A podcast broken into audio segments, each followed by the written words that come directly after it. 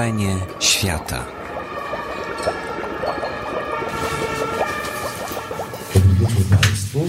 Witam bardzo serdecznie w miejscu, które nazywa się Faktyczny Dom Kultury. A ponieważ yy, widzę, że faktycznie yy, większość z Państwa jest tutaj po raz pierwszy, yy, to tylko powiem, co to jest za miejsce i dlaczego tak wygląda, a nie inaczej. A potem przywitam naszego gościa, dobrze? Faktyczny Dom Kultury jest taka e, jedna z nóg Instytutu Reportażu, Fundacji Instytut Reportażu, która zajmuje się kulturą faktu, literaturą faktu. Mamy księgarnię z kawiarnią Wrzenie Świata naprzeciwko, mamy szkołę, e, no i także to miejsce jako salę spotkań. Nazwaliśmy go Faktycznym Domem Kultury, bo zajmujemy się tutaj właśnie faktami, faktem jako no, też zjawiskiem literackim, no a poza tym faktycznie działamy, czyli że coś tutaj się dzieje. Yy, a wszystko tu wygląda tak, jak wygląda, bo chcieliśmy, żeby było tak niepretensjonalnie, troszkę nonszalancko, żeby, żeby nie wyglądało, że się napinamy, bo się nie napinamy, bo to jest nasza taka e, idea. Także bardzo miło mi Państwa spotkać. Wszystkie nasze imprezy e, są na stronie Instytutu Reportażu www.instytutr.pl. Tam mamy plan tych spotkań, które się odbywają właśnie w FDK, czyli tutaj, tych, które są we wrzeniu świata i myślę, że znajdą Państwo coś dla siebie. A jeszcze tylko chciałem powiedzieć, że nasze e, spotkania są transmitowane na żywo w radiu, w Wiki Radio, czyli radiu, które jest połączone z Wikipedią i można je, można uczestniczyć w nich na żywo, albo potem sobie odsłuchać. O, nie zestresowało Cię to? Że będzie coś nagrane. Na razie jeszcze nie. Dobrze. To proszę Państwa, wszyscy wiedzą, wszyscy wiedzą, że siedzi tutaj Piotr Lipiński. Dobry wieczór. E, reporter, mm, reporter historyczny, mój ulubiony reporter historyczny, to znaczy e, taki, który zajmuje się historią i my się znamy z Piotrkiem od dzieciństwa. Niemalże. Niemalże. I, e, I bardzo się lubimy i z wielką przyjemnością dzisiaj go wypytam o jego książkę, jego bohatera i w ogóle o jego metodę reporterską. Ale ponieważ o Jacku Karpińskim e, powstał film e, w reżyserii Piotra Lipińskiego, drugi jego film w karierze dokumentalny, e, za który dostał od razu nagrodę i to jakąś ważną nagrodę, jak to pamiętam. Czy ja od razu powiem, że dostałem za niego nagrodę prezesa Stowarzyszenia Filmowców Polskich na festiwalu w Łodzi, co jest o tyle zabawne, że dostałem nagrodę za drugi film, który w życiu zrobiłem, natomiast przez 20 lat pisania reportaży dostawałem tylko nominację, a nigdy żadnej nagrody nie dostałem. Co być może świadczy o tym, że, się urodziłeś na filmowcu. że być może czymś innym się 20 lat temu powinienem zająć. Ale ja myślę, że y, pisanie ci idzie, znaczy nie widziałem filmu z przyjemnością go obejrzę, ale pisanie ci idzie tak dobrze jak filmowanie.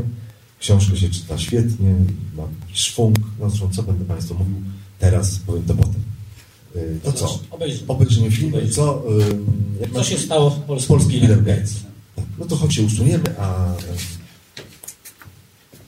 to jest niedługi film, który się też martwił, że za długo będzie siedział na tych twardych naszych krzesłach.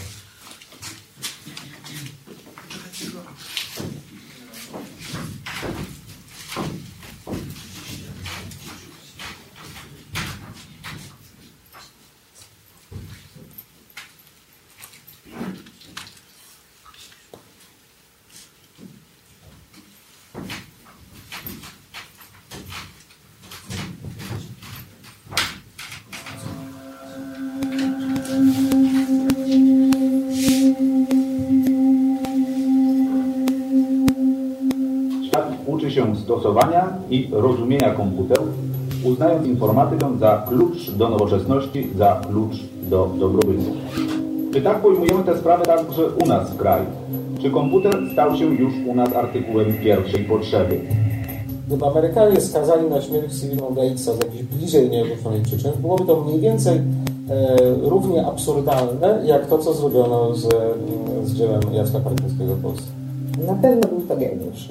Geniusz, który widział tylko, miał wizję tego, co tworzy i był tym absolutnie przejęty, natomiast inne sprawy już w ogóle nie wchodziły w grę, tym się nie interesował. I gdyby Karpiński jakby znalazł się w takiej sytuacji człowieka związanego z silnymi grupami partyjnymi, jego te pomysły miałyby szerszą drogę e, realizacyjną.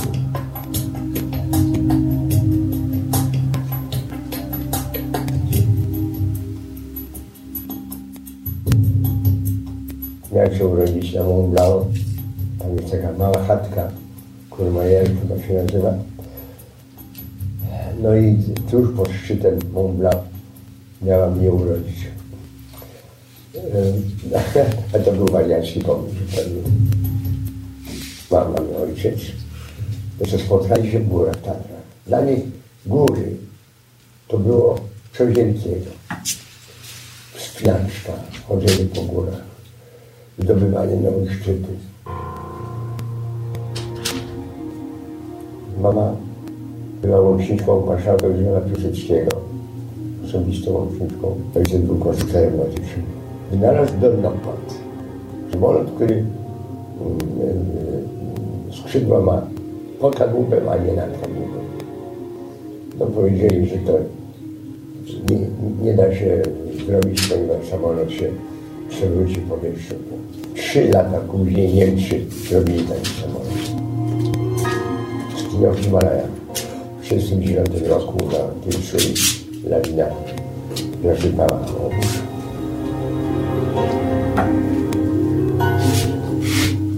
Jak kończyłem maturę, to zastanawiałem się, co robić w życiu. Ja bardzo lubię muzykę i chciałem być kompozytorem, ale również chciałem być mm, elektronikiem albo chemikiem, bo te rzeczy wydawały mi się mm, o dużym potencjale wynalazczym. Zaimprowizowany wykład o cybernetyce dla dosyć niecodziennego audytorium. Przywódcy partii i państwa nie tylko jubileuszowego święta interesują się żywo rozwojem nauki i techniki.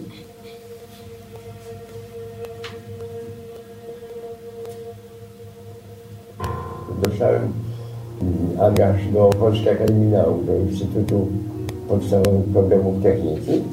Pracownia dostała zlecenie od Państwowego Instytutu mm, Hydrologiczno-Meteorologicznego, żeby zrobić urządzenie do pomagania prognozy pogody. Zrobiliśmy maszynę matematyczną. O 10% prognozy się poprawiły. Później zrobiłem urządzenie znowu matematyczne do rozwiązywania różniczkowych AKT-1. To była pierwsza tego rodzaju konstrukcja na świecie w ogóle. To było w 1957 roku. Nadrobiliśmy zacofanie pokoleń. Staramy się dotrzymać kroku tym, co przodują. Budujemy już całkowicie w kraju maszyny matematyczne, zwane popularnie mózgami elektronowymi. AKAP 1 i beta. Jego największe osiągnięcia były w czasach realnego a, socjalizmu czy też komunizmu w Polsce, e, centralnej gospodarki, centralnie sterowanej gospodarki.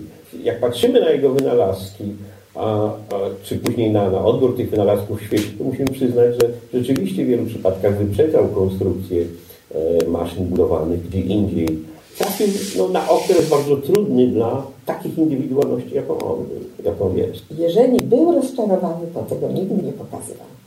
To był człowiek twardy, który, że nie wiem co się działo, zawsze był uśmiechnięty, zawsze był zadowolony i zawsze patrzył pozytywnie do przodu. Zawsze wierzył, że jeszcze coś się odmieni, że on jeszcze coś w życiu zrobi. UNESCO ogłosiło konkurs młodych talentów. Zgłoszonych było 200 kandydatów z całego świata. Specjalna komisja egzaminowała tych kandydatów, żeby wyłonić sześciu. Tak się złożyło, że akurat ja byłem wśród tych sześciu. Każdy mógł wybrać sobie dowolną formę dalszego kształcenia. Ja wybrałem Computation Laboratory w Harvardzie, no bo tam wtedy badania nad komputerami, a szczególnie nad sztuczną inteligencją, która mnie żywo interesowała, były najbardziej zaawansowane na świecie. I chciałem zostać, aczkolwiek byłem namawiany bardzo, bardzo, bardzo. Pozwolili mi pojechać do Centrum Badań Naukowych dla Armii i Rządu Stanów Zjednoczonych. I to było niesamowite, że to nie, bo tam nikogo nie puszczali. To było ściśle, absolutnie ściśle tajne. Mnie tam e, pozwolili, no oczywiście zrezygnowali, e, dali obstawę niesamowitą. E, powiedzieli, że, że, że się tam bardzo nie oglądała, ale pokazali mi bardzo wiele rzeczy ciekawych bardzo, mianowicie jak oni pracują nad sztuczną inteligencją. I później ja dałem mój wykład na, na, na ten temat. Muszę powiedzieć, że szef tego laboratorium powiedział, nie pan co, ma pan rację. Zmarnowaliśmy parę lat. To była duża satysfakcja.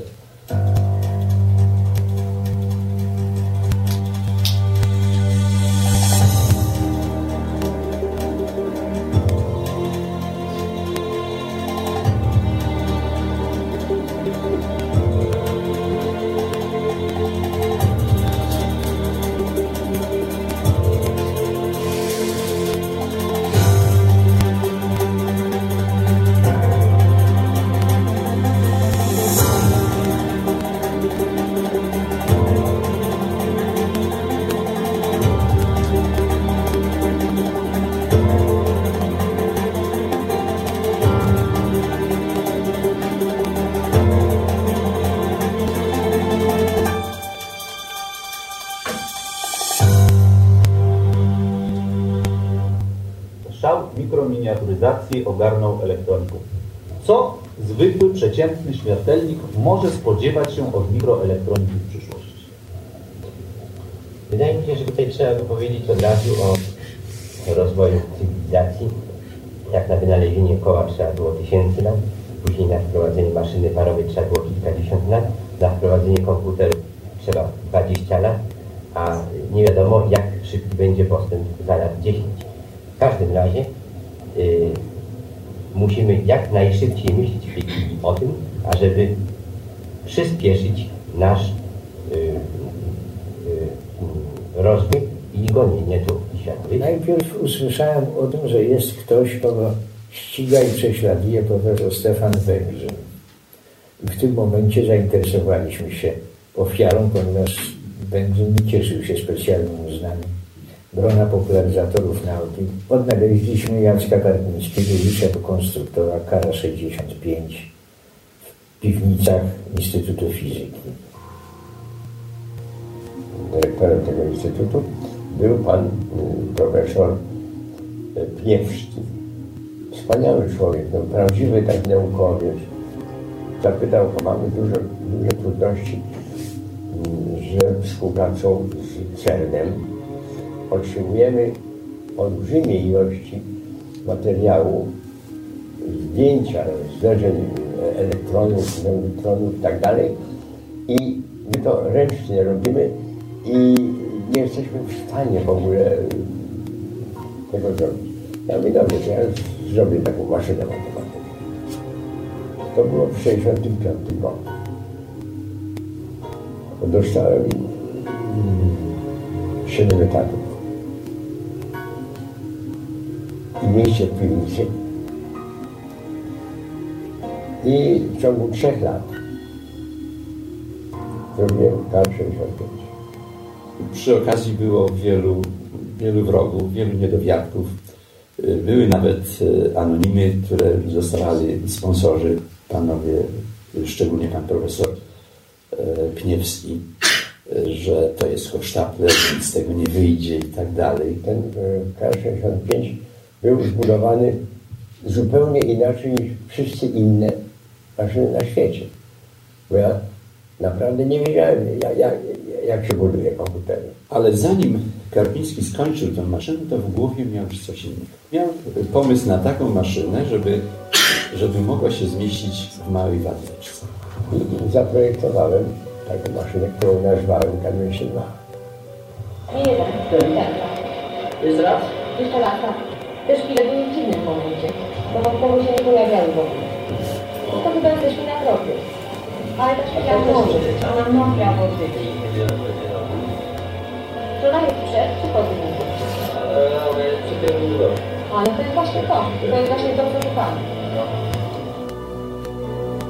Ludzie nie tyle dbali o, o, o, o pieniądze, co cieszyli się, że mają wspaniałą, ciekawą pracę. I pracowali bardzo często nie 8 godzin, tylko 10-12 godzin. A, a jak kończyliśmy, tośmy spali w ogóle w zakładzie. W śpiworach. Pracowaliśmy bardzo często do późna w nocy, przez całe dnie. To później już na- nastąpiła taka sytuacja, że zawsze ktoś gotował jakieś jedzenie i przynosił jakiś obiadek, żeby nakarmić zespół, Jacka, głównie Jacka Karpińskiego, który nie miał czasu wyjść na jedzenie, bo on był autentycznym przywódcą, żeby cokolwiek się udało w życiu, to musi być zawsze musi być ten przywódca tego stada. I ten zespół był tak właśnie zintegrowany, że nawet wakacje spędzaliśmy razem. Prototyp pokazaliśmy na targach poznańskich. Pan, pan pierwszy sekretarz Bierek wraz ze całego rządu z panem premierem Jaroszewiczem i ze wszystkimi ministrami zwierzał te targi, zatrzymał się przy naszym stoisku i rozmawiał ze mną przez 15 minut, co było odnotowane we wszystkich annałach. Zapytał, czy rzeczywiście doprowadzimy do produkcji tego, a ja wtedy zapytałem, a pomożecie? A on powiedział, o tak, pomożemy, pomożemy.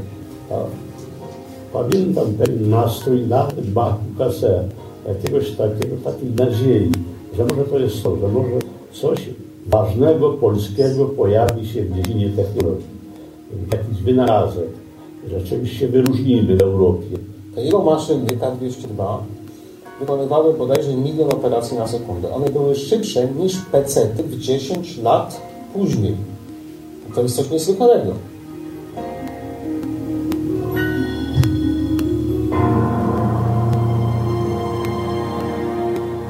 Jak ja nazwałem to ten, ten system K202, nie maszyna, nie komputer, tylko system K202, to pan dyrektor Huk żachnął się. Jaki tam system? Nie można tutaj systemu. Jedyny system, yy, który obowiązuje nas, to jest system jednolitego, jednolity system yy, układu marszałkowskiego. Aliady, to jest system.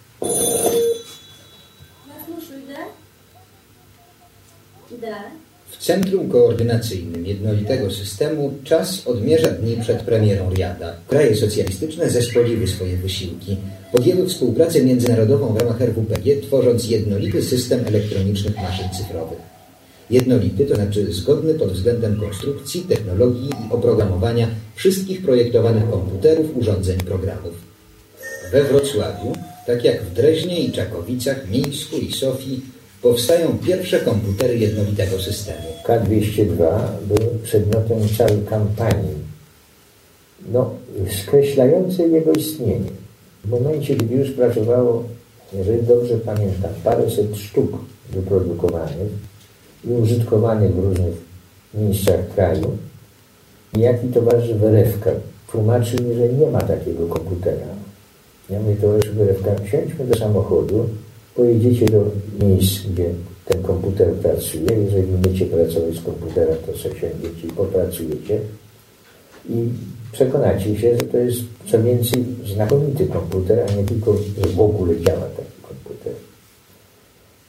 Nie, nie ma takiego komputera. Mówię Wam, towarzyszy Bratkowski, takiego komputera po prostu nie ma. Zapamiętajcie to sobie. Warszawa. Największy w kraju ośrodek naukowy, grupujący połowę pracowników nauki, podejmujący ponad 50% wszystkich badań. Hasłem naczelnym nauka bliżej przemysłu. dyrektor Instytutu, pułkownik Kulesza, Roman wręczył mi wymówienie no, i wprowadzili mnie pod karabinami już do mojego zakładu. Zawieźli tam. Pozwolili zabrać tylko osobiste rzeczy pan dyrektor administracyjny zrewidował mnie, żebym czasem nie, nie, wynosił czegoś tajnego. I karabinami mnie wyprowadzili. Wiesz pan, po. Jacek Karpiński był indywidualistą ogromnym. Jeżeli czegoś się podejmował, to właściwie było to głównie jego dzieło. Natomiast w naszym kraju trzeba było dzielić się tą swoją wiedzą, swoimi osiągnięciami, a nierzadko palmy pierwszeństwa oddawać komuś innemu, a tego Jacek Karpiński na ogół chciał. W kampanii przeciwko K202 brała udział firma wrocławska, która produkowała Odry. Do nich przemawiała informacja towarzysza Werewki, że nie ma takiego komputera.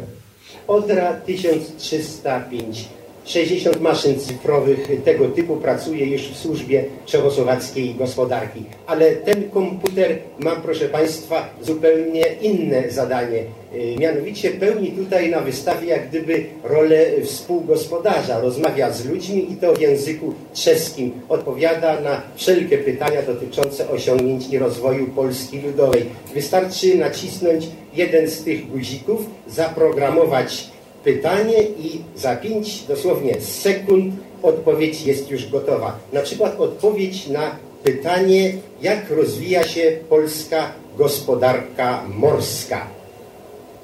Pięć sekund minęło i już jest odpowiedź, która zawiera wszystkie dane dotyczące rozwoju naszego przemysłu stoczniowego, portów i żelugi. To był 78 rok. Ożeniłem się z młodą, bardzo fajną matematyczką. Dzierżawiłem chałupę niemiecku. 15 hektarów czy 10 hektarów ziemi fatalnej zupełnie, ale była e, chałupa była bez drzwi, bez okien, bez pieca, bez, bez prądu, bez tragedia.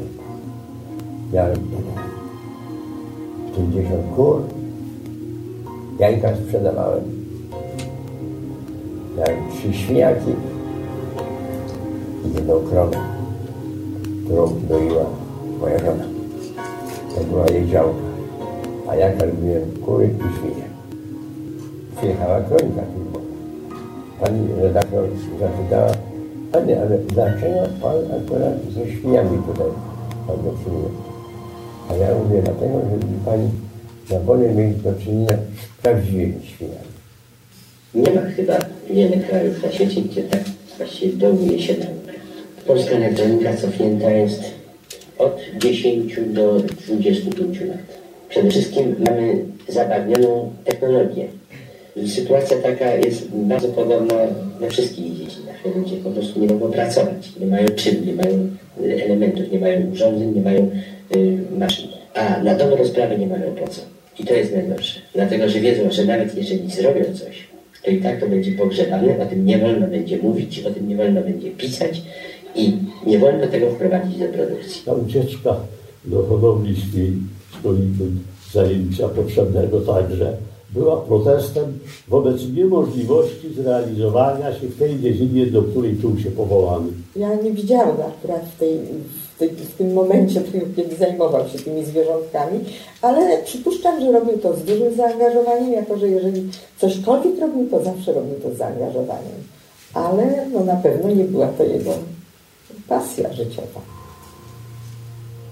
Przyszła zmiana ustroju. Chciałem robić jakieś fajne rzeczy. Chociażby tego lidera.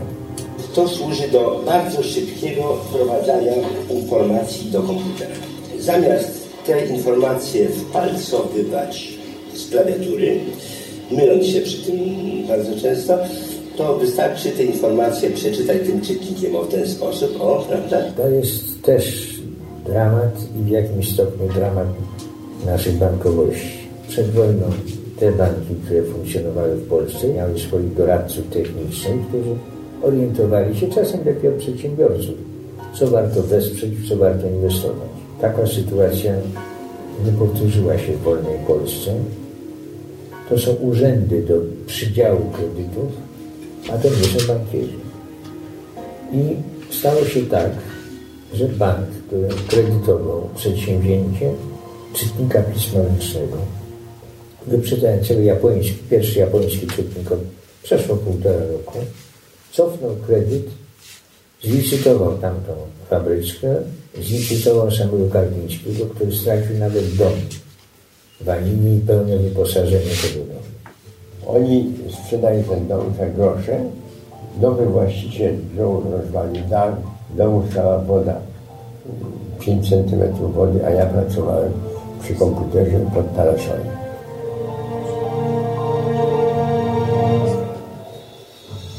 Być może właśnie Karpiński jest tu przykładem y, takim, y, takim y, ważnym, za wybitny na tamte czasy.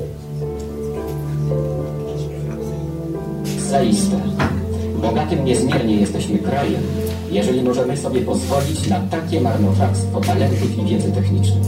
Żadnego innego kraju na świecie nie stać na zatrudnienie wybitnego konstruktora elektronika przy hodowli kurcząt i prosiok. Ponieważ mam trudności z poruszaniem się, to muszę mieć rehabilitację, muszę mieć masaże. Te masaże powinny kosztować 800 zł miesięcznie. Na co nie mam, bo, bo, bo to jest tak, że albo ja będę miał co jeść, albo będę miał masaże, nie ma, czyli muszę dorobić. Ja to dorabiam w ten sposób, że projektuję strony, witryny internetowe. Głupia robota, ale, ale parę złotych można zarobić.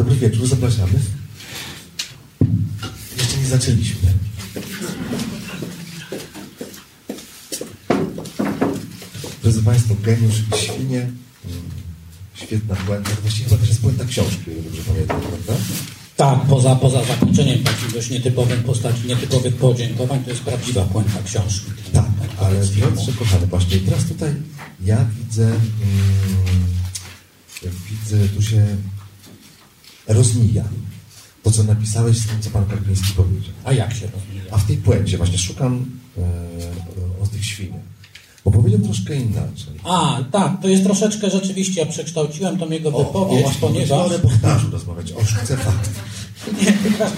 To, e, kiedy na żywo opowiadał tu Karpiński, jak widać na kronice filmowej, to było całkowicie zrozumiałe, o co mu chodziło z tymi prawdziwymi świniami. Natomiast po zapisaniu tego w tekście e, nie do końca było wiadomo, o co chodzi. Znaczy ja, ja rzeczywiście Że przekształciłem Powiedział, że woli mieć do do czynienia ze świniami prawdziwymi. z prawdziwymi prawda? Tak. świniami, a w książce jest pewnie z świniami na dwóch nogach, czy coś takiego.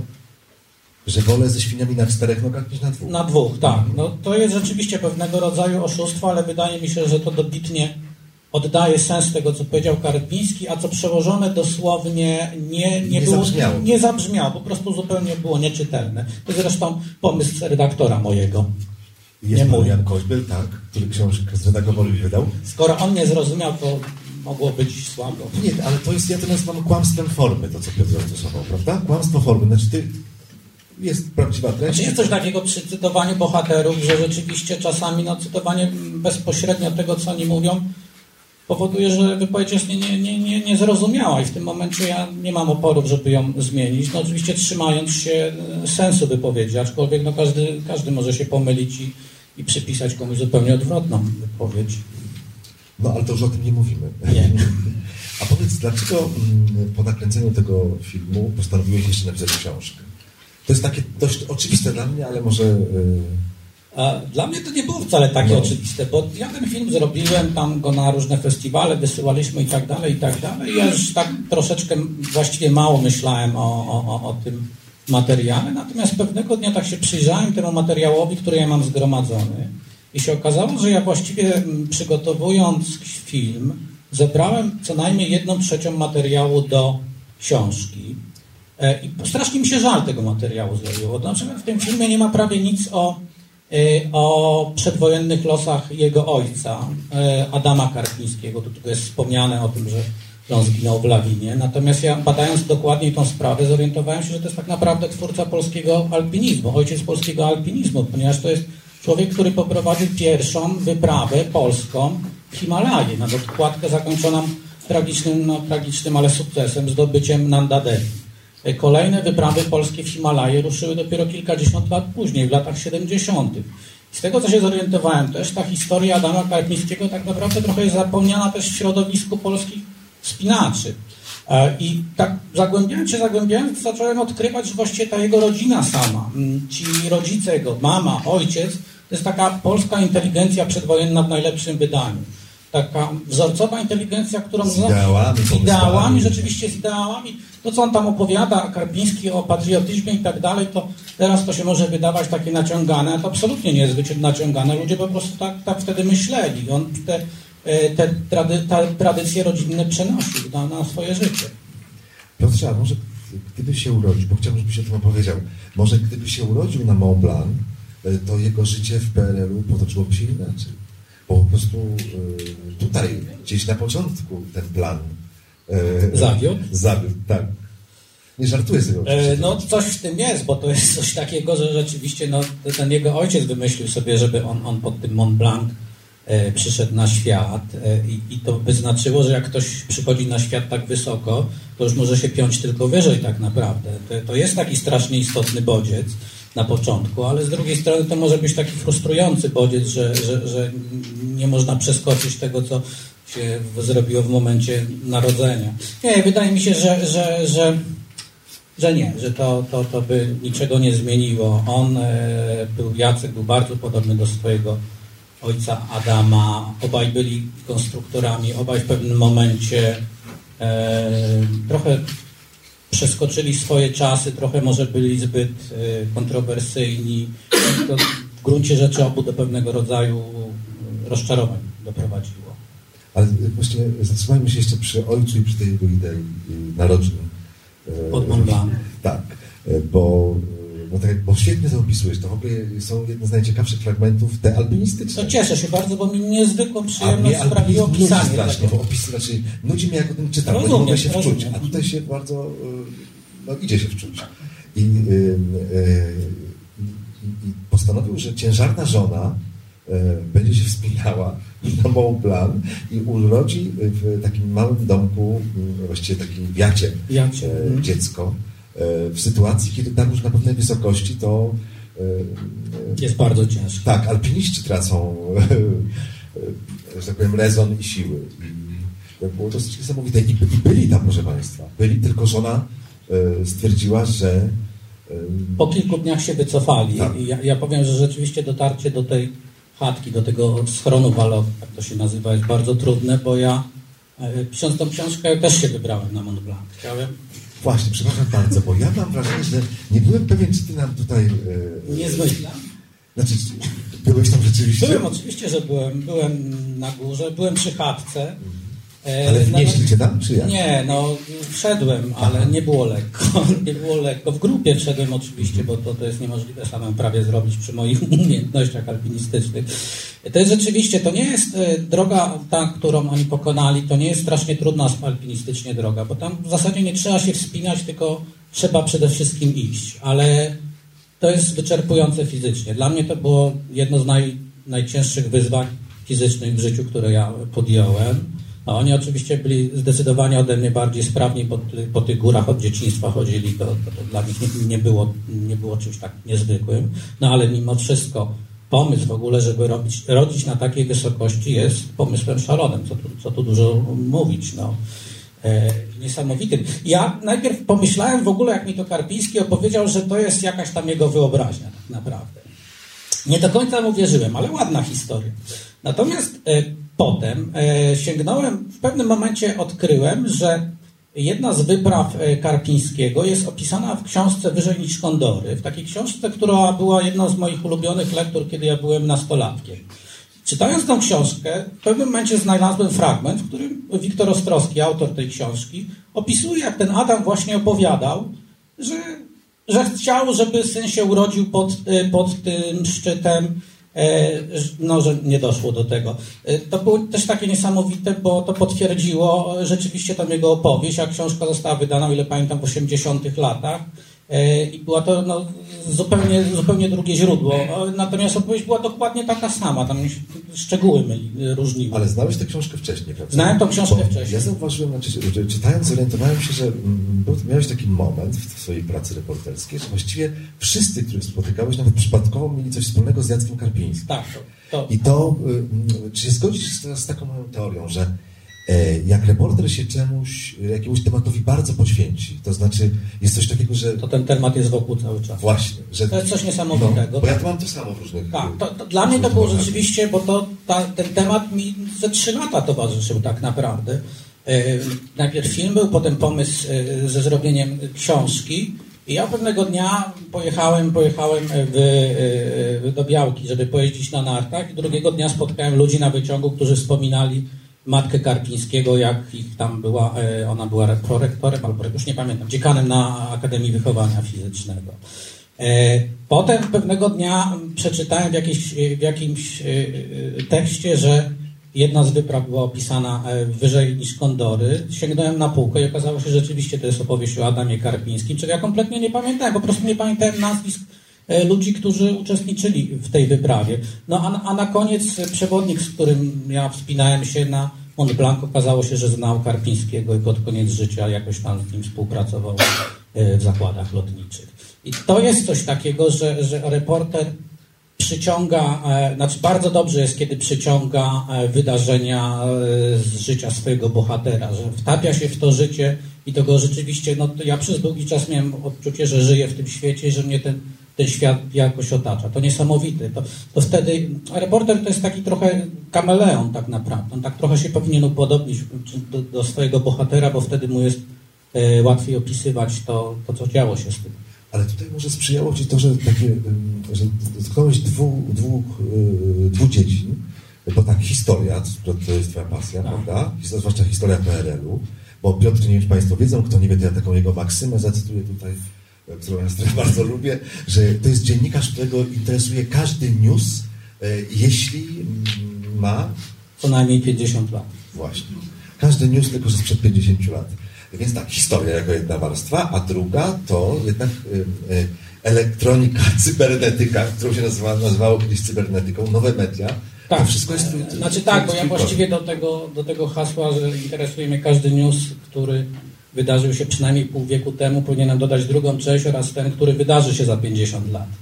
E, to ja między czymś takim rzeczywiście e, oscyluję, najmniej mnie chyba teraźniejszość interesuje, ale rzeczywiście od dłuższego czasu, zresztą od, od początku, kiedy, prawie od początku, kiedy w Gazecie Wyborczej pracowałem, pisałem reportaże historyczne, co, to co jakiś czas pisałem reportaż również o, o nowych technologiach. Wy- Wydaje mi się, że pierwszy w polskiej prasie reportaż o seksie w internecie napisałem, to było kiedyś w, w magazynie Gazety Wyborczej. Pierwszy chyba o bankach internetowych, ale to zawsze było tak trochę mm, tam 10% tego, co ja robię. Natomiast rzeczywiście to z czasem coraz bardziej mnie interesowało. Ale to jest taki chyba pierwszy bohater, który różni się od twoich, bohaterów Twoich książek. Na pewno. Prawda? Bo tamto to byli ludzie, którzy mieli wpływ na rzeczywistość i ją zmieniali tak, jak chcieli. Na przykład Bierut. Tak. Prawda? Tak, tak, tak. Towarzysz niejasny. No, przede Natomiast- wszystkim ludzie związani Tak. jakoś z polityką. Zwłaszcza z polityką lat, e, znaczy z, Ze stalinizmem. Tak, naj, na, najczęściej. E, I, i, i to byli silni faceci, którzy, którzy mieli wpływ na, na, na, na, na, świat, na Polskę przynajmniej. A tutaj y, po raz pierwszy chyba ktoś inny, prawda? No Jakiś inny... E, No jeden z tak, znaczy ja sobie przypominam taką podobną jedynie postać, ale to też z końca stalinizmu, takiego człowieka, którego opisałem, który, któremu ojca wywieziono na Syberię i on w 56 roku pojechał, bo Stefan Tacenko się nazywał, ten syn pojechał e, odszukać tego ojca, znalazł go na Syberii i, i, na dokładkę przywiózł go do Polski. To był też takiego podobny bohater, w pewnym sensie pozytywny bohater, taki zwykły człowiek, ale który coś nie, nie, niezwykłego osiągnął. Y, To obie historie, one cały czas ocierają się o politykę, ale ci ludzie nie mają wpływu na politykę, nie, nie tkwią w tej polityce tak jak większość bohaterów, których ja opisywałem. Więc w tym sensie on jest rzeczywiście zupełnie inny. W książce snujesz razem ze swoimi rozmówcami różne teorie, dlaczego Jacek Karpiński e, nie- został e, nie tylko polskim Billem Gatesem, a dlaczego w ogóle nie został Billem Gatesem, bo no, z, wy, wyni- wynika z, z przesłanek, by wynikało, że, że, że, że mógł. Jakie teorii, jest, miał? tych teorii ja już potem zacząłem się gubić w nich, to znaczy ile ich jest? Ja się też nich gubię, Dwie, trzy, nie- potem się okazało, nie- że siedem. Tak, bo nie, bo to jest tak, że, że, że tylko zwycięstwa mają rodziców, a klęski są sierotami. E, I dlatego nikt się nie, nie, nie chce przyznać właśnie. Ja, to może, a może Piotr Jaroszewicz był, był, Jaroszewicz był zabójcą polskiego Billa Gatesa. Nie, to znaczy to na pewno nie była jedna Nie. osoba. Jestem przekonany, że to nie była jedna osoba, że był to zbieg e, różnych okoliczności. Na pewno to, że zmieniła się sytuacja polityczna, e, co jest dość skomplikowane, ponieważ utracił wpływy Franciszek Szlachcic, który wspierał Karpińskiego. Jak utracił Franciszek Szlachcic, to przeciwnik jego polityczny, czyli e, Piotr Jaroszewicz uznał, że należy gnębić prawdopodobnie wszystkich zwolenników Szlachcica. Na to, to, jest naturalne. Z drugiej strony rzeczywiście ten radziecki system RIAP e, nie sprzyjał rozwojowi e, jakichś takich szczególnych krajowych konstrukcji, chociaż zdarzały się wypadki, że, że ktoś na Nawęgrzech jakiś komputer na przykład zrobiono.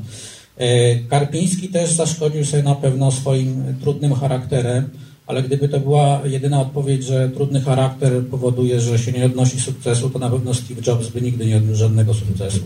E, Ga- Gates chyba też. E, Także tutaj jest, e, no na pewno też, też było coś takiego, że on był po prostu nielubiany w środowisku, znaczy w części środowiska. To nie jest też prawda to, co ludzie mówią w tej chwili niektórzy, bo ja się spotykam z takimi głosami, że Karpiński był okropny, że wszystkich krytykował, że wszystkich nie znosił. Nie, to, to nieprawda. Ja, ja pamiętam, jak on opowiadał mi o swoich współpracownikach, to naprawdę to były fantastyczne opowieści. On jest niesłychanie wysoko cenił, e, mówił w samych superlatywach i zresztą tym samym odpowiadali ci jego współpracownicy. Ja bym chciał w wieku Karpińskiego, żeby moi znajomi z pracy dawnej taką mi opowiadali, jak, jak, jak tamci o nim opowiadali. Dobrze, będę pamiętał. Tak, cieszę się, zobaczymy, kto go przeżyje. A, faktycznie. Nie, nie wiadomo, co komu pisane, oczywiście. Jak to cieszy? Dobrze. Memento mori. Tak, a teraz zapomniałem, o co miałem, e, o co miałem. Mm, Ale nie, bo to, to dobrze, to, to powiem o czymś innym, bo ogromne wrażenie robi to e, książce i w filmie, że tak, że, że e, ko, komputer pana Jacka Karpińskiego to jest ta walizka, czyli prawda, zbliżony do naszych dzisiejszych komputerów, a w tym Tak. czasie Elbro e, produkuje, wrocławskie Elbro produkuje komputery nasze polskie, socjalistyczne, które wyglądają jak trzy albo sześć szaf e, e, trzydrzwiowych. E, No i to, co większe, wygrywa niestety, nie? Wygrywa to, to, co co bardziej większe. widać, to co, e, to, co się bardziej panoszy może nawet. Tak, znaczy ja tu bym nie chciał oceniać, który z tych komputerów jest lepszy, bo ja nie napisałem historii Ale tamten był, informatyki. był, był, był wolniejszy, ten Ergowski No był, był, wolniejszy. był wolniejszy, ale miał bogatsze znowu oprogramowanie, ale z drugiej strony no bogatsze oprogramowanie. No trudno oczekiwać po K202, e, który raptem powstał, że będzie miał tak bogate oprogramowanie jak Odra, która od dawna funkcjonowała. Ja czytałem e, e, z tamtych lat na przykład zarzuty wobec e, tego całego przedsięwzięcia Karpińskiego polegające na tym, że ten jego komputer nie zarobił na siebie. No, w momencie, kiedy się inwestuje po roku, oczekiwanie, że urządzenie elektroniczne zarobi na siebie, to jest jakiś taki rzeczywiście wymysł socjalistyczny, propagandowy, ale no, mający kompletnie nic wspólnego z biznesem. E, Stąd e, ocenienie, czy, czy Odra była lepsza, gorsza, czy taka śmaka owaka, no ona się do pewnych rzeczy lepiej nadawała. E, K202 się do innych rzeczy lepiej nadawał. No, wydaje mi się, że był jednak nowocześniejszym urządzeniem i to potwierdzał chociażby jego sukces na, na zagranicznych wystawach. A też trzeba pamiętać o tym, że to nie była skończona konstrukcja. Znaczy, to było tak, że ci konstruktorzy zamierzali y, zrobić co najmniej kolejną wersję tego komputera, znacznie lepszą. Ten komputer powstał raptem w 9 miesięcy, bo Karpiński mówił, że, że żadna rzecz nie powinna być budowana dłużej niż trwa ciąża człowieka. No, takie mają podejście do życia. No, stąd, y, stąd też y, miał pewne wady ten komputer na pewno. E, natomiast jego następca Mera Mera 400. E, dla odmiany ja spotkałem się z taką opinią, że K202 był świetnym komputerem, dlaczego jego następca Mera 400 e, nie zdobył rynków światowych, skoro był lepszym jeszcze komputerem od K202, bo był lepszym prawdopodobnie. No nie zdobył dlatego, że to działo się już 3 lata później. To nie jest tak, że jak ktoś zrobi y, w 70 którymś roku komputer znakomity, to trzy lata później on będzie równie doskonały. No w informatyce również wtedy postęp był bardzo szybki. Pojawiła się nowa generacja zachodnich komputerów i wymiotła po prostu konkurencję. A y, może błędem było to, że zadał się z Brytyjczykami od samego początku? Ale nie miał wyjścia, bo tego nikt nie chciał, nie chciał nikt tego produkować w Polsce. E, e, on jakby rozczarowany tym, że tu nikt nie jest kompletnie zainteresowany produkcją tego komputera.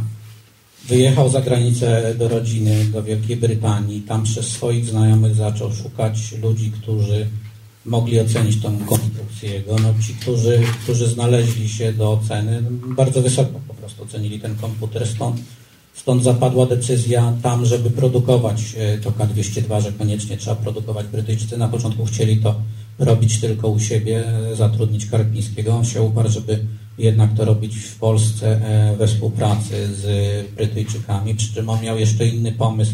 Mówił też o patriotyzmie przy tej okazji. Tak, e, bo on, on wspomniał, mówił po prostu o tym, że że jest Polakiem i chce, żeby w Polsce rozwijał się przemysł. Ja też głęboko mu wierzę, że, że on mówił prawdę, no bo na litość boską ci ludzie nie po to ginęli e, w powstaniu warszawskim. Karpiński został ciężko ranny pierwszego dnia powstania warszawskiego, żeby potem, potem unikać odpowiedzialności za Polskę. No, no, skoro on się zdecydował jednak mieszkać tu w Polsce, to nawet jeśli tu rządzili tą Polską komuniści, to on się czuł Polakiem po prostu i, i chciał to robić w Polsce. Ciekawy jest, e, jest ten proces, ta, ta, ta, ta szybka kariera Jacka Karpińskiego, a potem takie... Podpadanie. Jakie? Podupadanie. Podupadanie. Właśnie nie miałem tego słowa, e, dlatego, że to był człowiek na początku zachwalony, znaczy zachwalany na śmierć wręcz. W pewnym momencie, tak, w pewnym momencie, tak. To był, był taki moment, że on się na chwilę stał pupilkiem władzy, na, na dość krótko, ale po tym, gierku, po tym gierku, który tak, po tym gierku dokładnie na przyjeżdżali do niego do zakładu różni, różni działacze, chwalili, no w prasie rzeczywiście było bardzo dużo tekstów pochwalnych i tak dalej, i tak dalej. No dopóki właśnie e, ten szlachcic nie, nie, nie, nie odpadł tak naprawdę, e, ale no to, to działo się dlatego, że, że o, znaczy, o co mnie zapytałeś? Nie, no, że, że, że właściwie został A, już wiem, bo nie, na chwilę zapomniałem, bo się za, za, za, zamotałem. Otóż on zaczął mm, e, podupadać z tego powodu, że każda kolejna jego konstrukcja, znaczy najpierw został w ogóle odsunięty od prac przy komputerach. On rzeczywiście został zatrudniony, o ile pamiętam, na Politechnice, ale, ale to na jakimś wydziale budownictwa i tylko tam mógł e, budować komputery. E, proponowano mu, żeby zajął się konteneryzacją w Polsce. E, on nie chciał się tym tak, zająć. To jest taki piękny dialog. Mówił Karpiński o komputeryzacji. On mówi, nie, nie, nie, nam chodzi o konteneryzację, tak. że w Polsce brakuje kontenerów. Tak. To jest jeden z głównych problemów Polski, to jest konteneryzacja. No i tam mu proponowano, żeby on w ogóle najważniejszym człowiekiem od tych kontenerów został. Jak on się już zaczął łamać i powiedział, że, że dobrze, no to ja zostanę, wreszcie będę to moje K202 mógł użyć do konteneryzacji, no to rozmowa się skończyła, ponieważ mu kazano zapomnieć o tym komputerze. To jest tak, że jemu rzeczywiście kazano zapomnieć o konstrukcji, o jego dziecku, o dziecku zespołu jego, o tym, co, co najlepsze mu się do tej pory w życiu udało. Potem odsunięty na ten boczny tor, on już nie miał takiego kontaktu e, z bieżącymi konstrukcjami. E, stąd e, w momencie, kiedy w 1981 roku wyjechał do Szwajcarii, do producenta magnetofonów Nagra, E, to tak naprawdę on już no nie mógł się sprawdzić jako wybitny e, e, informatyk, no bo on tak naprawdę wypadł z obiegu w znacznym stopniu. On sobie tam jakoś radził, ale, ale to nie, to nie było nic... Ale co tam wymyślił, to też wyprzedzało epokę, pan piszesz. Wyprzedzało, no tylko znaczy, on taki synte... synchronizator dwóch magnetofonów wymyślił, który miał działać cyfrowo, a, a szef jego e, Kudelski, Polak z pochodzenia, opierał się, żeby była to maszyna analogowa. I Kudelski tak naprawdę miał rację, bo ta maszyna analogowa bardziej odpowiadała swoim czasom. To jest też tak, że jak geniusz przekracza e, swoją epokę, to już się nie sprawdza. Znaczy, rynek wolał analogowe. Rynek wolał analogowe. Jak prawdopodobnie technicznie ten pomysł Karpińskiego był znacznie lepszy, ale by się nie przyjął na rynku, e, zbyt, zbyt daleko w przód od, odbiegał od rynku. E, no są takie wynalazki, czasami jakiś taki na przykład wynalazek, o ile pamiętam, firmy Xerox, która wymyśliła te takie ikonki komputerowe. Ona to wymyśliła znacznie wcześniej niż to pokazał i Apple i Microsoft, ale oni wymyślili to za wcześnie i to się w ogóle nie przyjęło. Potem jeszcze Karpiński miał ten problem, że y, te jego kolejne pomysły, penreader, y, kasa fiskalna, on chciał je robić sam tak naprawdę. Y, natomiast największe sukcesy odnosił, kiedy pracował w zespole. Informatyka to chyba nie jest taka dziedzina, w której w tej chwili, wtedy już można było zrobić coś solo. Co, coś solo. To, to w 70 latach, owszem, solo można było w garażach w Stanach Zjednoczonych budować komputery, ale to po pierwsze w latach 70., a po drugie to w Stanach Zjednoczonych, bo w Polsce to można było gaźnik przedmuchać najwyżej w garażu, a nie zbudować komputer. No po prostu nie było części, więc tutaj e, też porównywanie e, tego, czy on był dobrym czy złym biznesmenem w kategoriach takich wolnego kapitalistycznego świata też kompletnie nie ma sensu, bo jak być doskonałym biznesmenem nie był Karpiński, to by to w gruncie rzeczy nic nie dało, bo polską gospodarką nie rządzili biznesmeni, tylko rządzili urzędnicy. I tutaj trzeba by było... Trochę ofiarą swoich czasów. Tak, tak, to, to co Józef Teichma, wicepremier ówczesny, powiedział, że e, i to jest bardzo przykrym przesłaniem, że e, on był za wybitny na swoje czasy. To jest naprawdę strasznie przykre być za wybitnym na swoje czasy. Piotrze, a wiem, że ty uwielbiasz pracę w archiwach, uwielbiasz docieranie do dokumentów. No, to, co fascynuje nie tylko historyka, ale właśnie reportera historyka. Czy ty miałeś tutaj, tak jak przy poprzednich swoich książkach, czy miałeś takie momenty jakiegoś takiego szczęścia, zachwytu, że udało ci się znaleźć coś, czego inni jeszcze nie, nie mieli, nie, nie poznali? Ja mam wrażenie, że właściwie to prawie wszystko wokół Karpińskiego to jest jakoś odkrycie, dlatego że on w gruncie rzeczy jest dość zapomnianą postacią. Y, to, to zresztą to był jeden z tych powodów, że ja sobie to w pewnym momencie uświadomiłem, że to warto o tym napisać książkę, bo to jest niezwykła historia niezwykłego człowieka, która to historia właściwie jakoś tam została zapomniana. Tu nie ukrywam, że też troszeczkę, że tak powiem, polscy informatycy się do tego, do tego przyłożyli, ponieważ bywały takie konferencje wspominkowe o historii polskiej informatyki, na których nigdy nie padło, na których nie padło nazwisko Karpińskiego, natomiast wszyscy przemawiający doskonale wymieniali swoje wielkie osiągnięcia, o których tylko oni wiedzieli. A mogli o nim nie wiedzieć?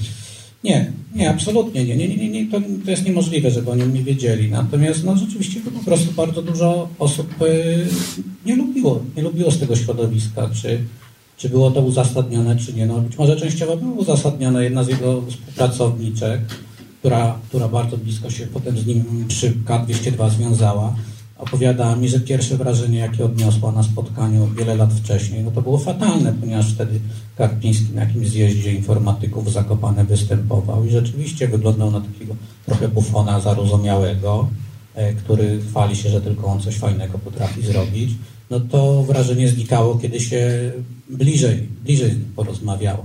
On rzeczywiście był ja, ja, wierzę w to, że on potrafił być y, przykry y, dla ludzi. Wierzę dlatego, że ja nawet niedawno, niedawno parę lat temu, spotkałem się z, z taką opinią jednej z osób, które nagrywały z nim wywiady, y, ale to nie, nie ta osoba, o której wspominam w książce, żeby ktoś nie pomyślał.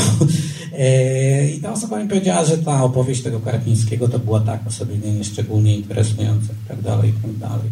Natomiast potem obejrzałem też dźwiękowe nagranie innej osoby i ono uważam, że było bardzo ciekawe, tak ciekawe jak te, jakoś moje nagrania. I to wynikało z tego, że ja miałem wrażenie, że Karpiński po prostu jak widział, że ktoś rozumie to, co on mówi, że interesuje się. Znaczy swoją grupę krwi musiał Tak, musiał poczuć swoją, znaczy przede wszystkim zainteresowanie e, i, i to, że ktoś rozumie to, co to on po prostu no, fan, był fantastycznym e, człowiekiem, fantastycznym rozmówcą. E, Ale rozumiem też, że dla niektórych mógł być bardzo nieprzyjemny, bo jeśli nie, nie, nie nadawali na podobnych falach, no to on, on bardzo to skreślał właściwie te osoby. To, to było widać. A jakie miałeś takie momenty szczęścia jako reporter właśnie podczas dokumentacji? Nie wiem, czy miałem jakiś taki naj, największy moment szczęścia, który bym e, potrafił wymienić, bo to, to się. Czy ta praca się strasznie rozciągnęła w czasie? Ja już mam nadzieję, że nigdy w życiu nie będę tak długo nad książką pracował. Ale powstawała? no, ona powstawała tak naprawdę, jakby się uprzeć, to od e, 2009 roku, kiedy był film. E, ale ten, ja co chwilę odkładałem pracę na. Znaczy, no, 2010 powiedzmy, wymyśliłem, że była książka. Ale ja co chwilę odkładałem tą książkę, bo coś tam innego trzeba było napisać, bo coś trzeba było innego zrobić, jakieś pieniądze zarobić. E, I ja nie byłem skupiony. Nie spodziewasz się zarobić. Zobaczymy. Nie, no muszę zarobić, bo, bo z czegoś trzeba żyć, ale No weź. poza tym muszę rozkręcić e, wydawnictwo mojego drogiego redaktora Jana Koźbiela, który powiedział mi ostatnio, że po pięciu latach pracy wreszcie spodziewa się, że na tej książce zarobi. No dobrze, to rozkręcajmy. Proszę Państwa, to jest naprawdę wspaniała książka. Y, A dobrze, to jeszcze... mm, Nie, przepraszam, bo tak mam strasznie dużo tematów, ale może Ty byłeś szczęśliwy, teraz mi to sobie skojarzyłem, że... A nie byłeś szczęśliwy, bo jak się uda tak czasami reporterowi znaleźć coś, czego, o czym inni nie wiedzą, to wtedy jest szczęśliwy. Kiedy się zorientowałeś, że Karpiński y, y, y, na rzecz naszego kraju uprawiał szpiegostwo przemysłowe? Znaczy, no to, to, to trudno to nazwać Nie, to prawda, to jest prawda, oczywiście, że to jest prawda. Tego nie ma w ogóle w filmie, ale to nie dlatego, że ja to zataiłem, tylko ja po prostu wtedy o tym nie wiedziałem. Się o tym dowiedziałem później i to już dowiedziałem się po, po jego śmierci, więc nie mogłem go zapytać o, o powody tego. E, Stąd to wśród wielu jego przeciwników jest uważane za jakąś tam, jakąś plamę na honorze i tak dalej, i tak dalej. Ja byłbym bardzo daleki z takimi ocenami. Po pierwsze, jako reporter nie bardzo chcę oceniać. Po drugie, to co robił Karpiński dotyczyło zbierania informacji y, na Zachodzie. On nigdy nie donosił na swoich współpracowników w Polsce. On nigdy nie werbował e, żadnych ludzi z Zachodu do współpracy. E, No niestety jest też coś takiego, jak ja się zastanawiałem, jak to się stało, że on został zwerbowany. No to wychodzi z tego bardzo taka przykra konstatacja, że nawet bardzo inteligentnego człowieka można e, bardzo łatwo podejść, e, kiedy, kiedy zna się jego charakter. No ci SBC ewidentnie grali na tym, że na jego patriotyzmie, na jego pewnym takim rozczarowaniu co do sytuacji jego w Polsce, bo oni się do niego zwrócili, kiedy on był bardziej nacenzurowany niż, niż potem osiągał sukcesy. Po trzecie, no co chwilę prawili komplementy, a strasznie trudno chyba jest odrzucić kogoś, kto ciągle prawi komplementy. E, I to tak od słowa do słowa. To się nazywa bombardowanie miłością. Tak, ja, ja, ja się przyglądałem, to zresztą to, to nie jest dziwne, to nie jest naiwne to, co ja mówię. Ja się przyglądałem e, procesom, aresztowaniom w latach stalinizmu, wybitnych ludzi polskiego podziemia e, i, i, i, i ci ludzie, niektórzy pod wpływem, w czasie zeznań, pod wpływem rozmów z Różańskim zaczynali pisać wiersze dla niego i to naprawdę bardzo znani ludzie z podziemia.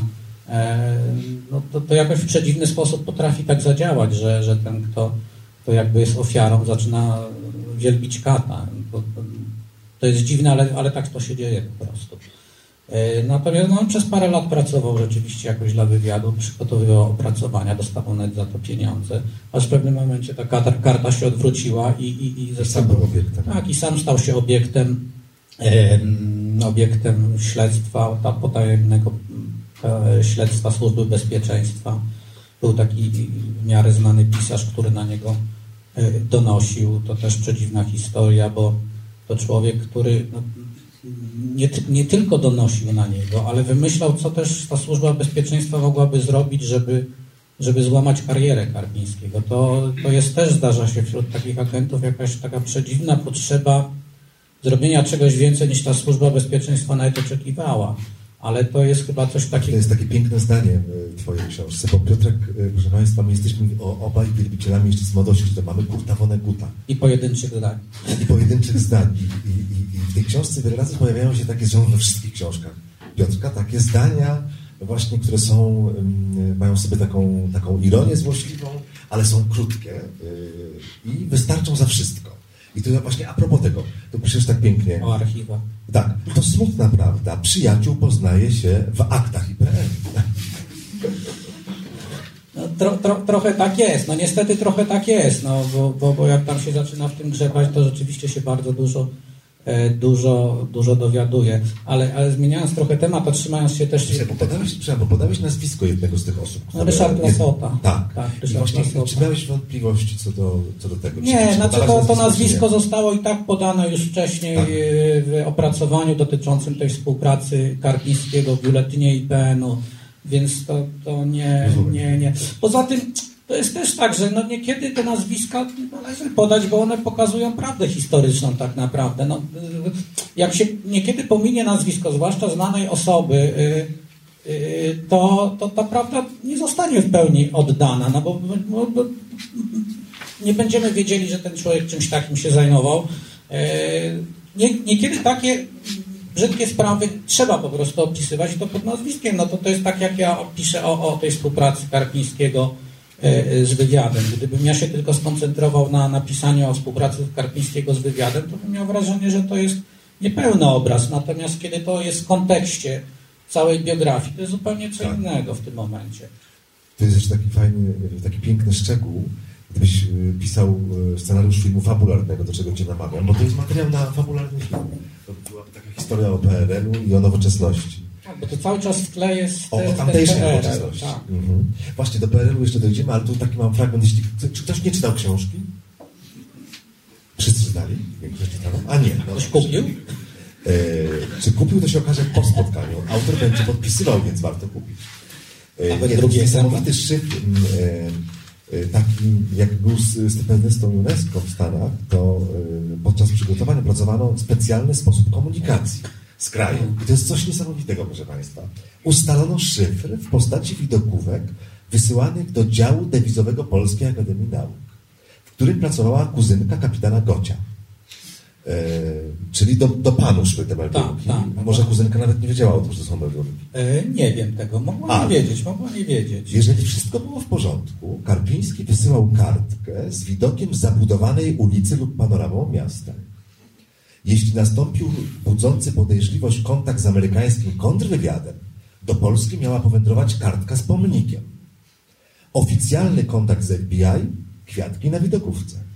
Ciekawe materiały wywiadowcze, kościół albo inny obiekt sakralny. To jest niesamowite rzeczywiście.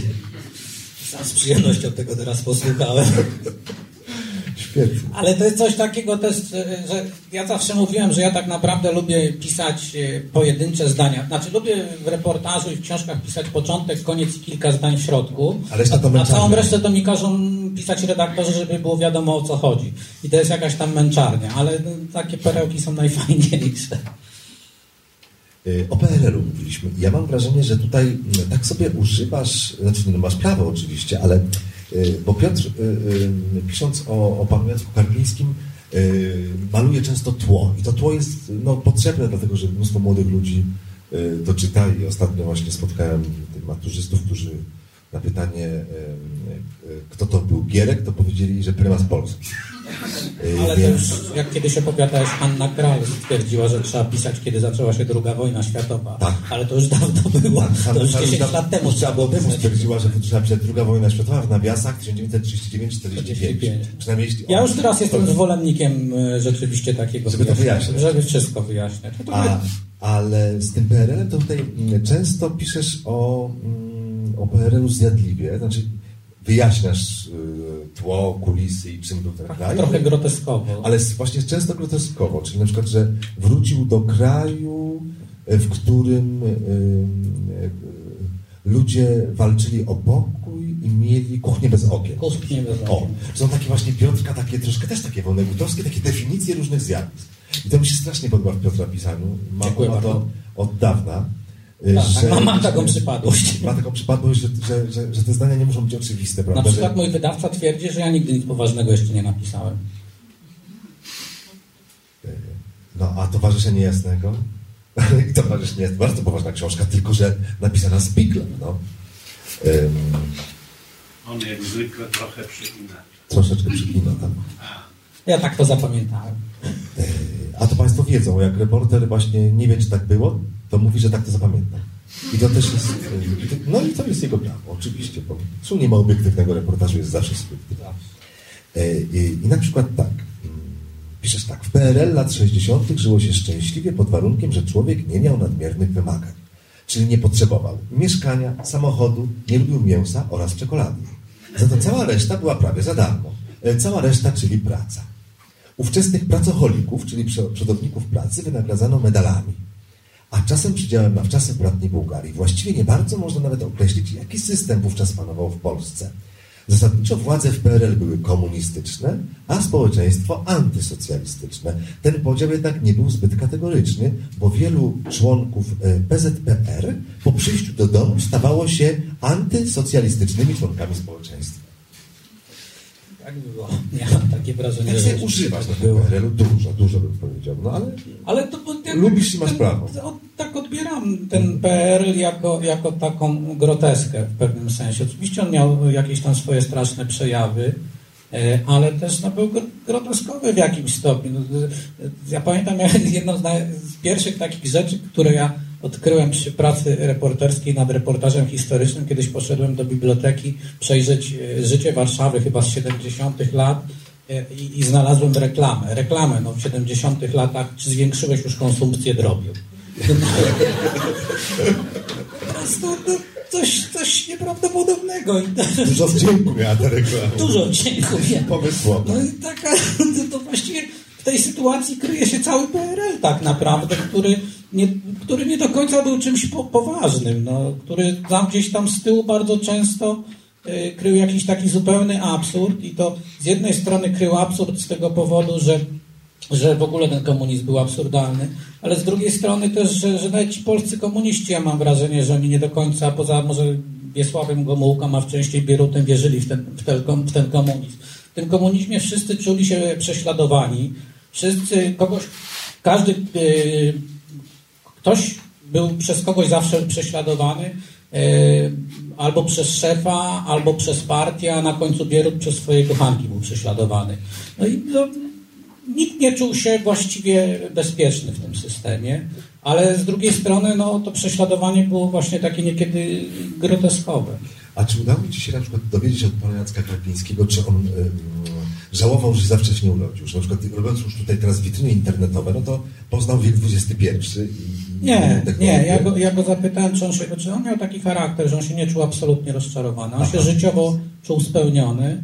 On miał takie podejście do życia, że jeśli e, zrobi wszystko, co tylko może zrobić, to jest w porządku, bo nie ma co się zamartwiać rzeczami, na które się nie ma wpływu. Ja się na przykład zamartwiam bardzo często rzeczami, na które nie mam wpływu i pewnie mi się z tego powodu kiepsko żyje, a on, on się nie zamartwiał. Co doprowadziło w pewnym momencie też do przesady, bo na przykład nie zamartwiał się, jak nie miał pieniędzy na oddanie długu.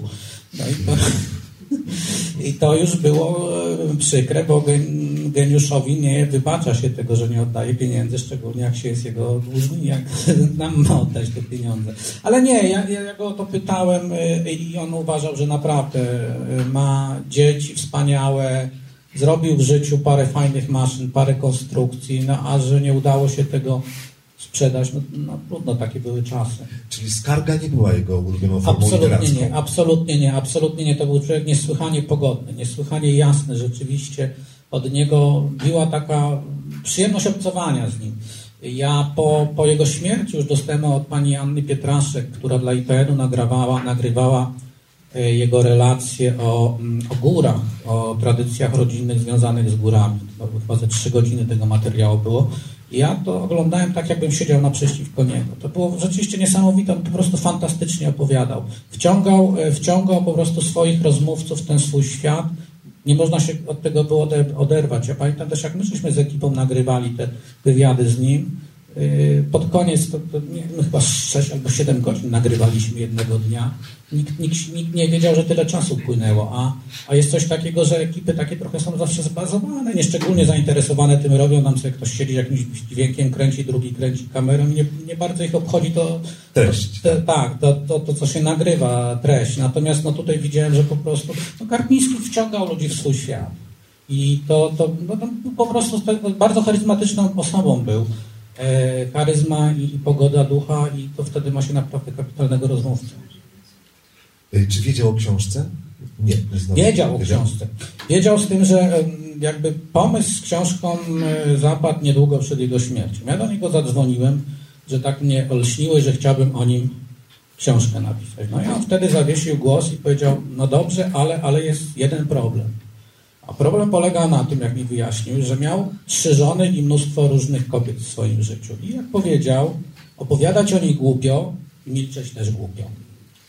E, mieliśmy się umówić na spotkanie, już, już, już było za późno, a, a ja szczerze mówiąc tego wątku i żon, i, i kochanek y, nie, rozbudowy, nie rozbudowywałem w książce, bo miałem wrażenie, że to może jeszcze bardzo zradzić wiele osób. Jedna z takich kobiet mnie wezwała pewnego dnia na spotkanie po to, żeby mi długo tłumaczyć, jak złym człowiekiem był Karpiński. A głównie chodziło o to, że, że on się z nią nie ożenił, tak jak ja zrozumiałem, i że ślub y, ze swoją żoną wziął strasznie huczny i widowiskowy. Y, no i to do, doprowadziło do tego, że ta pani już była przekonana, że ten jego komputer jest do niczego kompletnie. Ale ja powiem, że i bez tego, bez tych wątków, o których y, z aktorem milczeć nie można, a jak to powiedział?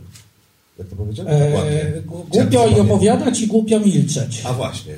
I bez tych wątków, o których głupio opowiadać i głupio milczeć, to książka jest szalenie ciekawa. No tak przynajmniej mi się wydaje. Proszę Państwa, to taki jest moment teraz na czas na pytania do autora. Czy mają Państwo pytania?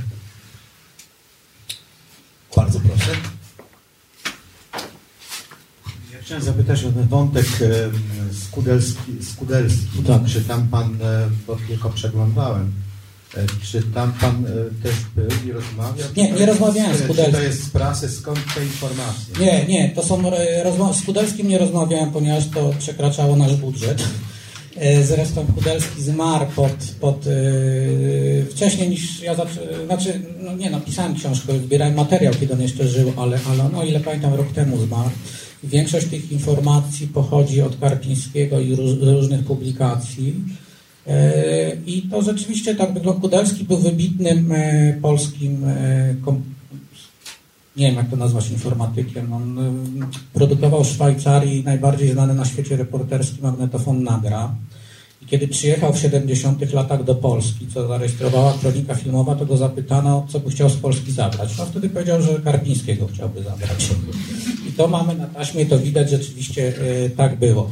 No i w 1981 roku, kiedy wokół Karpińskiego tutaj bardzo zgęstniała atmosfera w Polsce, e, pojawiły się paszkwile w gazetach, Karpiński postanowił za namową Stefana Bratkowskiego, swojego dobrego ducha, wyjechać do Szwajcarii zadzwonił, skomunikował się z Skudelskim, ten mu zaproponował pracę, no i oni tam, e, tam przez jakiś czas e, razem pracowali, ale no to skończyło się taką wypowiedzią e, Karpińskiego, że, że właściwie szkoda twoich pieniędzy, a mojego czasu, bo, bo no, oni, się oni się rozstali w zgodzie. Tak, cały pod koniec życia, z tego co mi powiadał Karpiński, spotykali się czasami gdzieś i w dobrych, dobrych układach byli. Natomiast no, Karpiński tam już nie odniósł jakiegoś szczególnego sukcesu, ale to tak, tak jak mówiłem, to, to, to było, on, on też Karpiński mi opowiadał, że kiedy Szwajcarii wyjechał, to na początku się musiał nauczyć posługiwać nowymi narzędziami, których, których po prostu tu w Polsce nie było, do których on nie miał dostępu, bo on tak naprawdę z tą informatyką przez parę lat miał do czynienia tylko tak teoretycznie. E, poprzez zachodnie pisma, poprzez książki, no ale, ale niczego tutaj nie projektował, a to, to, to jest tak jakby reporter po prostu przez parę lat nie, nie zbierał materiału i niczego nie pisał. No to, to, to, to niedobrze wpływa na rozwój kariery. Czy ktoś ma jakieś pytanie jeszcze? Na końcu, tak? Nie.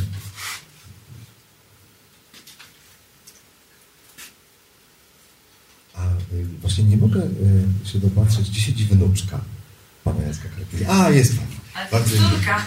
Jest też córka. Tak, bo y, bliżej. Gdzie? Tutaj Dorota. A, to my się znamy z Dorotą. Tak.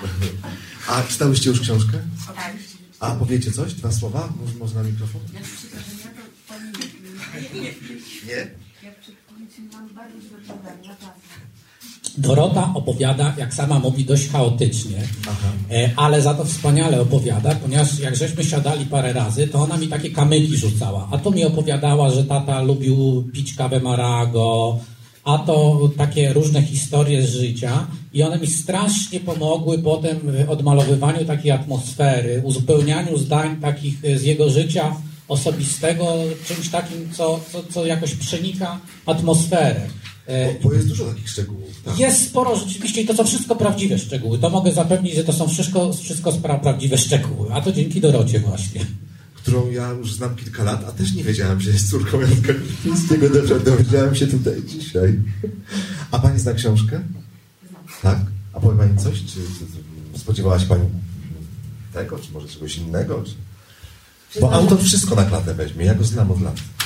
Przyznam, że też studiowałam dziennikarstwo. A, i, właśnie. I przymierzam się do filmu dokumentalnego o dziadku, notabene. W każdym razie podobały mi się detale i podobał mi się bardzo początek, ta wyliczanka i przybliżenie dnia, kiedy ten sukces nadchodził. E, I potwierdzam, że, że lubił naleśniki, zalewał je śmietaną. W dużych ilościach. w dużych ilościach. Ilościach.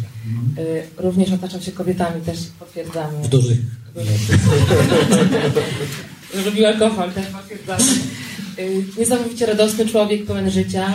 Zaprzeczenie typowego dziadka w kapciach, w swetrze. Absolutnie tak. Absolutnie to nie był taki dziadek. Y, Dziadek pełen życia. Y, No nauczył nas po- pogody ducha i nauczył nas w ogóle świata, ponieważ sam dużo podróżował. Y, No i tam zabrał też nas. Niesamowita postać i mam nadzieję, że to wspólnie Państwu przybliżymy. To jest coś takiego też, że Jacek Karpiński e, w pewnym sensie różnił się od przeciętnego Polaka, bo on naprawdę bardzo dużo podróżował po świecie. No, był, e, no, szczególnie w tym momencie, kiedy, kiedy pracowano nad K202, że musiał wyjeżdżać do Wielkiej Brytanii, to te jego kontakty e, z Zachodem były zupełnie, zupełnie czymś innym niż przeciętnego Polaka. On prawie żył w tym momencie tak, jak, jak, jak ludzie, no, nie na całym świecie, ale powiedzmy na, na Zachodzie, w Stanach, w, Stanach, w Stanach Zjednoczonych, bo to też jest złudzenie, że cały świat wygląda tak jak świat zachodni, to, to z całą pewnością tak nie jest. E, ale, ale, ale no to były takie momenty wspaniałe, że rzeczywiście, a były takie momenty, że mu odbierano paszport i nie, wkładkę paszportową właściwie nie mógł na wczasy do Bułgarii wyjechać. Tak, właśnie tam jest taki moment, który mnie bardzo zaskoczył, jak... e, Przez budzik. Jak to ty, e, przy- przez budzik właśnie dziecinny, nie mógł wyjeżdżać. Tak, jemu w pewnym momencie cofnięto e, wkładkę albo paszport, już nie pamiętam. I on dociekał w piśmie do biura paszportowego, dlaczego tak się stało. I zaczął wyjaśniać, że domyśla się, że chodziło o to, że nie zgłosił pewnego dnia, przyjeżdżając ze Związku Radzieckiego, budzika dziecinnego.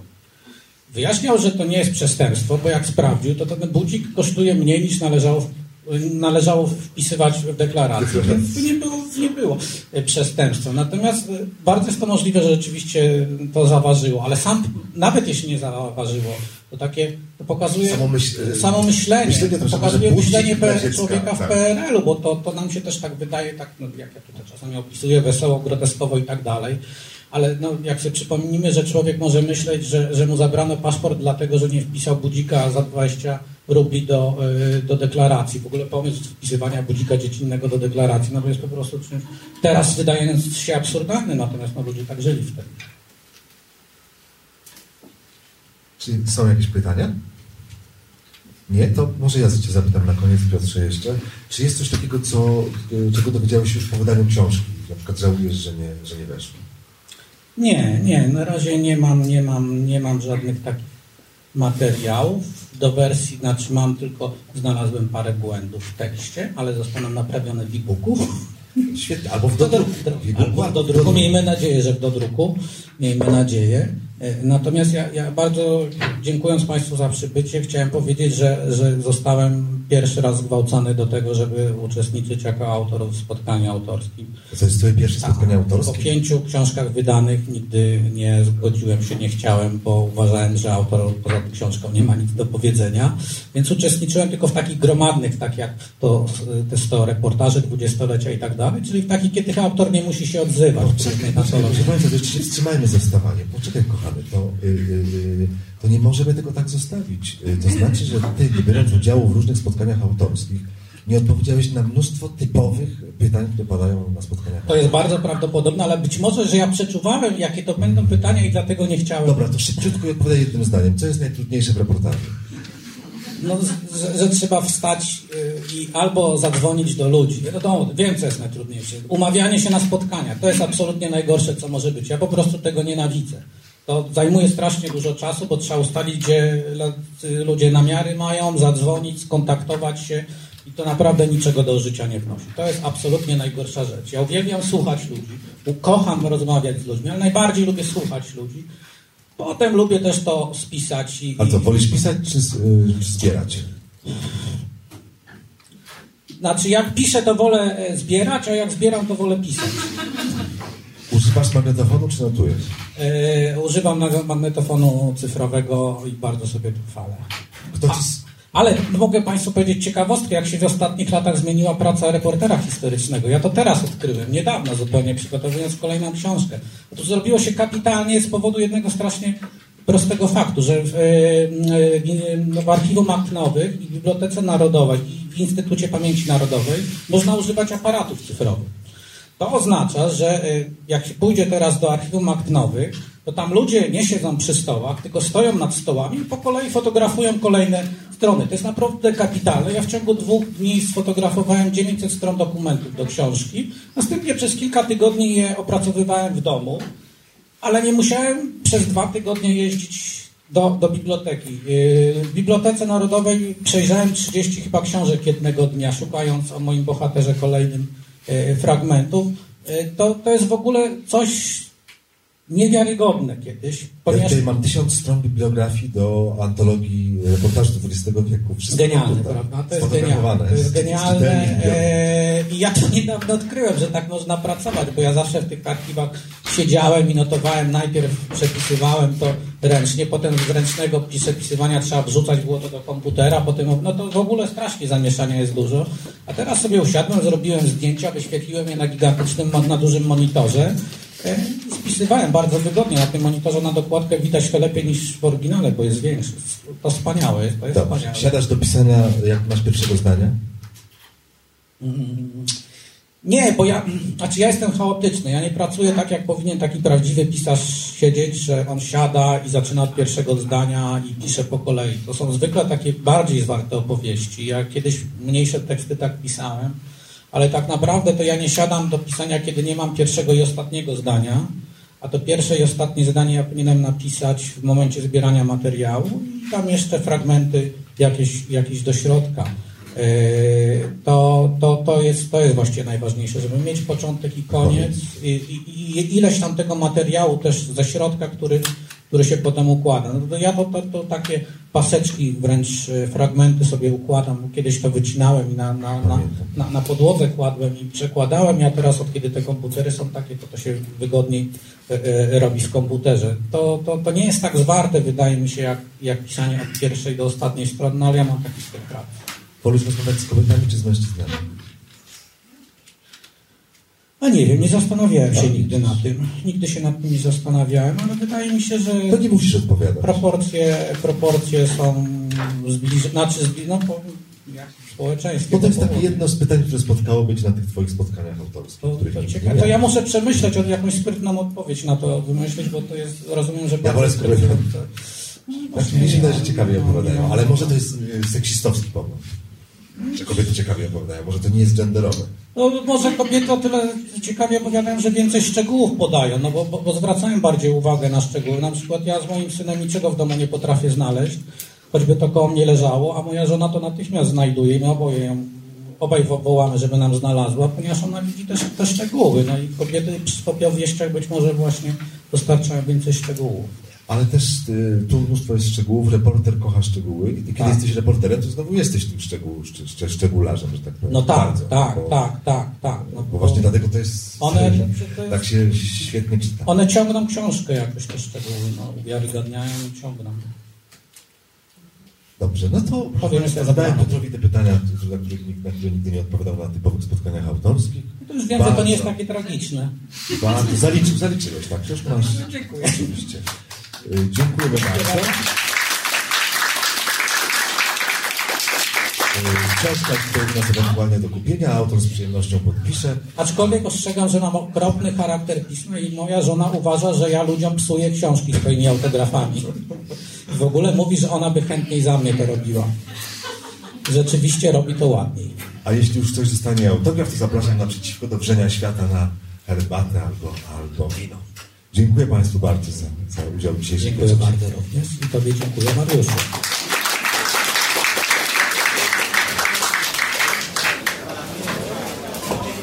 Fundacja Instytut Reportażu zaprasza do swojej księgarni z literaturą faktu i kawą Wrzenie Świata na ulicy Gałczyńskiego 7 w Warszawie. Wejście przez bramy Nowy Świat 48 i Nowy Świat 52.